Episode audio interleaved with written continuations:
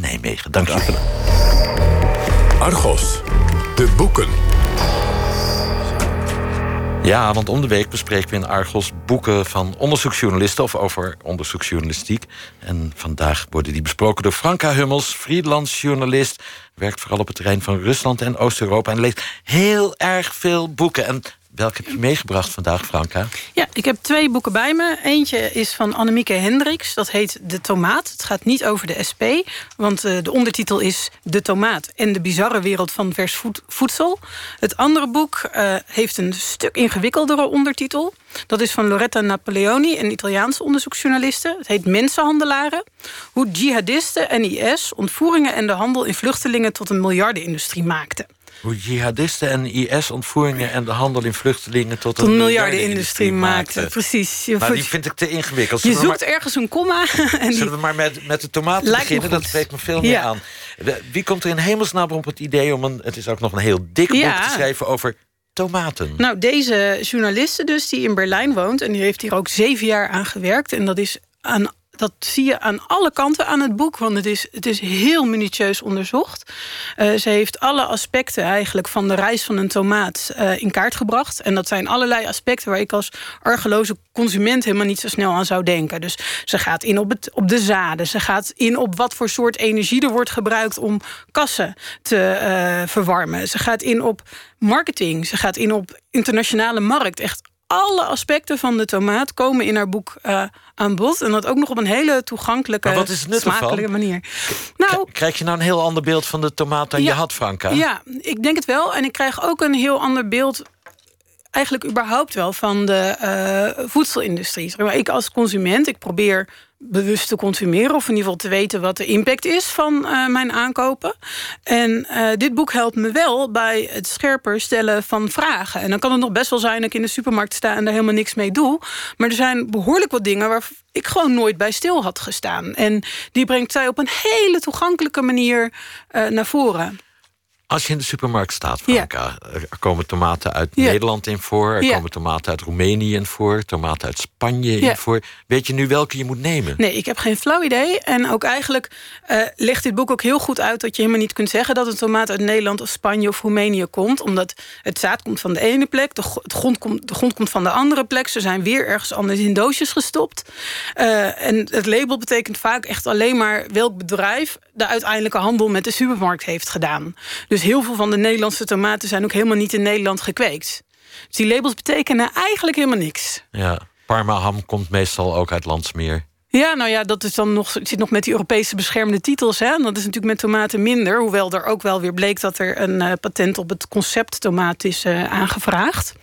Dus, uh, maar het is inderdaad, het is, het is gewoon een doolhof. En nou, een, ander, een ander taaldingetje bijvoorbeeld, wat ik ook niet wist. Heel veel uh, tomaten worden aangeprezen, zeker in Duitsland... met dat ze niet genetisch gemanipuleerd zijn. Nou ja, prima ik weet zelf niet goed wat ik van genetische manipulatie vind... maar ik vind het dan wel interessant om te weten.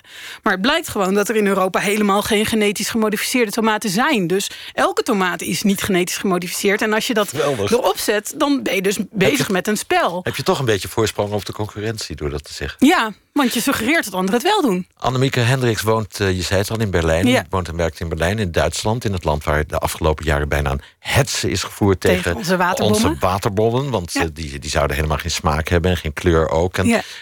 Daar gaat ze vast op in in het boek. Zeker, op echt ook bijna al die verschillende niveaus die uh, ik net al noemde. Eén ding bijvoorbeeld is, Duitsers stoppen hun tomaten altijd in de koelkast. Nou, hoe lekker een tomaat ook is en hoe erg die ook door oma op het platteland verbouwd is... als je hem in de koelkast stopt, raakt hij zijn smaak, smaak kwijt.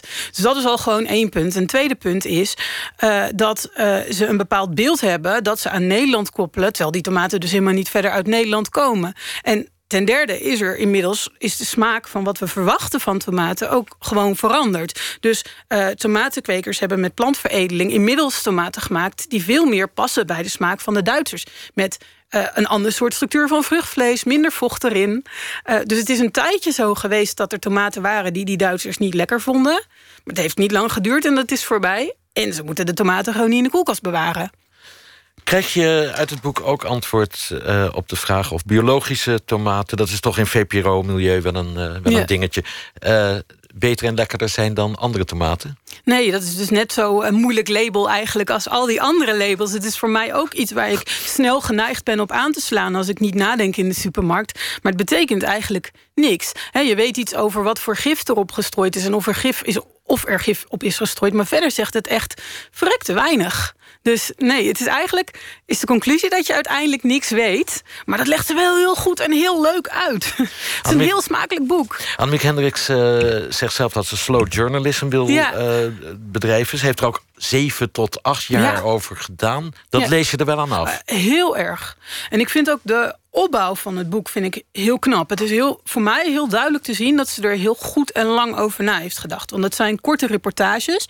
Dat zie je best wel vaak in boeken. En vaak in van die snelle correspondentenboeken... die wat van hun eigen reportages achter elkaar zetten. Niks mis met dat genre, maar dat is dit heel nadrukkelijk niet. Uh, al die reportages vertellen, vertellen samen opgeteld een, een heel verhaal. En je kunt ook niet de ene lezen zonder de andere eerder te hebben gelezen. Dus uh, het is een heel goed uitgeserveerd boek, vind ik.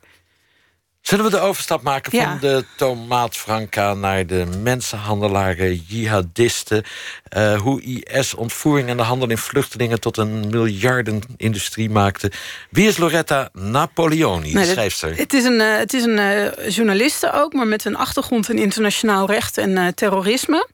En ze heeft een enorm netwerk op dat gebied en ook um, ja, ontzettend veel, veel kennis. En dat etaleert ze in dit boek enorm. Ze brengt heel erg veel gevallen van ontvoerde mensen bij elkaar. En maakt daar ook een soort synthese van, waaruit ze een soort algemene lessen trekt. Dus, en dat, dat is dit boek eigenlijk. Um, maar zoals net ook al ik een beetje haperde met de ondertitel haper ik met meerdere zinnen in haar boek... en soms ook met haar gedachtegang. Ik raakte de rode draad eerlijk gezegd ook een beetje kwijt omdat het boek en gaat over gekidnapte journalisten ergens in het Midden-Oosten en Noord-Afrika. Maar ook over de, de vluchtelingen op de Middellandse Zee en over de Islamitische Staat. En op het eind zag ik nog steeds het verband tussen die drie niet. Nou ja, in het begin zegt ze zelfs, nou, legt ze uit dat de handel eigenlijk, mens, die mensenhandel, die handel in journalisten, is ontstaan in Afrika doordat na 9-11 het in Colombia minder makkelijk kon door transparantiewetten, legt ze uit. En dan zegt ze ja, en de stap naar handel met migranten is dan snel gemaakt. En ik dacht ook, uh, nou, um, in mijn hoofd niet. Uh, maar het blijkt, wat zij bedoelt is, uh, de infrastructuur die nodig is om geld te verdienen aan een ontvoerde journalist, kun je ook gebruiken om geld te, te verdienen aan migranten die de Middellandse Zee niet over mogen. Dus ze heeft het over de kampen in Libië na de deal tussen Italië en Libië, die dus niet de zee over uh, mogen... terwijl ze wel daarvoor naar Libië waren gekomen... en dan door terreurgroepen ontvoerd worden... wordt een familie onder druk gezet voor enkele honderden euro's worden ze vrijgekocht, worden ze opnieuw ontvoerd. En dat, dat is klein bier in vergelijking met wat er voor een internationale journalist te vangen is. Maar ja, als je honderd vluchtelingen hebt, dan kan het toch lonen. Ja. Ze suggereert een beetje dat de Islamitische Staat en Al-Qaeda... die mensensmokkelaars zijn of runnen... die de vluchtelingen over de Middellandse Zee eh, sturen. Uh, nou, dat zal Geert Wilders graag willen horen. Maar bewijst ze het ook? Nee. Nee, en ze bewijst, tenminste in mijn ogen niet. Ik weet niet of jij wel een helder bewijs uh, daarvoor hebt gezien in het boek. Maar voor mij was dat ook een van de punten dat ik dacht, nou, uh, ja, ik wil best in je aanname meegaan maar vertel me meer. En dat is met meer punten zo. Want ze bijvoorbeeld op een gegeven moment zegt ze ook iets over de piraten in uh, Somalië. Want dat, dat hoort er ook bij, bij dit onderwerp, in haar beleving althans.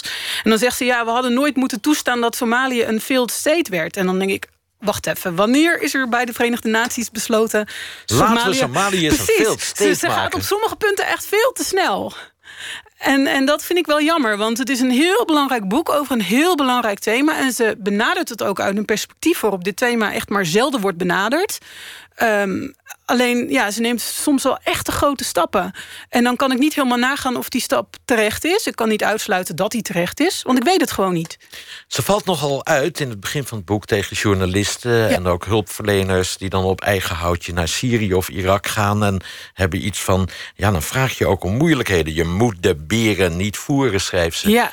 Uh, is die kritiek terecht? Want ja, iemand moet toch verslag doen ik van de situatie? Ik vond het daarin wel overtuigend. Uh, hoewel ik het nog steeds een, een, echt een duivelsdilemma vind. Ze legt eigenlijk uit, hè, als je als westerling naar Syrië gaat... dan is het niet alleen zo dat je camera of je portemonnee... een zak met geld is, je bent dat zelf. Je bent handelswaar.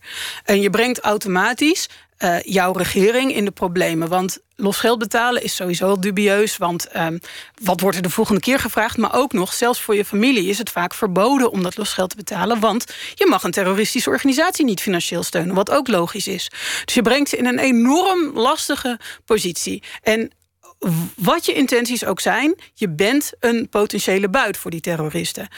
Um, het probleem is wel inderdaad dat daardoor dus niemand meer verslag doet. Waardoor je ook niet weet welk gebied veilig is. Waardoor het alleen maar nog onveiliger wordt om erheen te gaan. En dat ze beschrijft bijvoorbeeld eigenlijk precies dit probleem met de dood van de Nederlandse journalist Jeroen Oerlemans.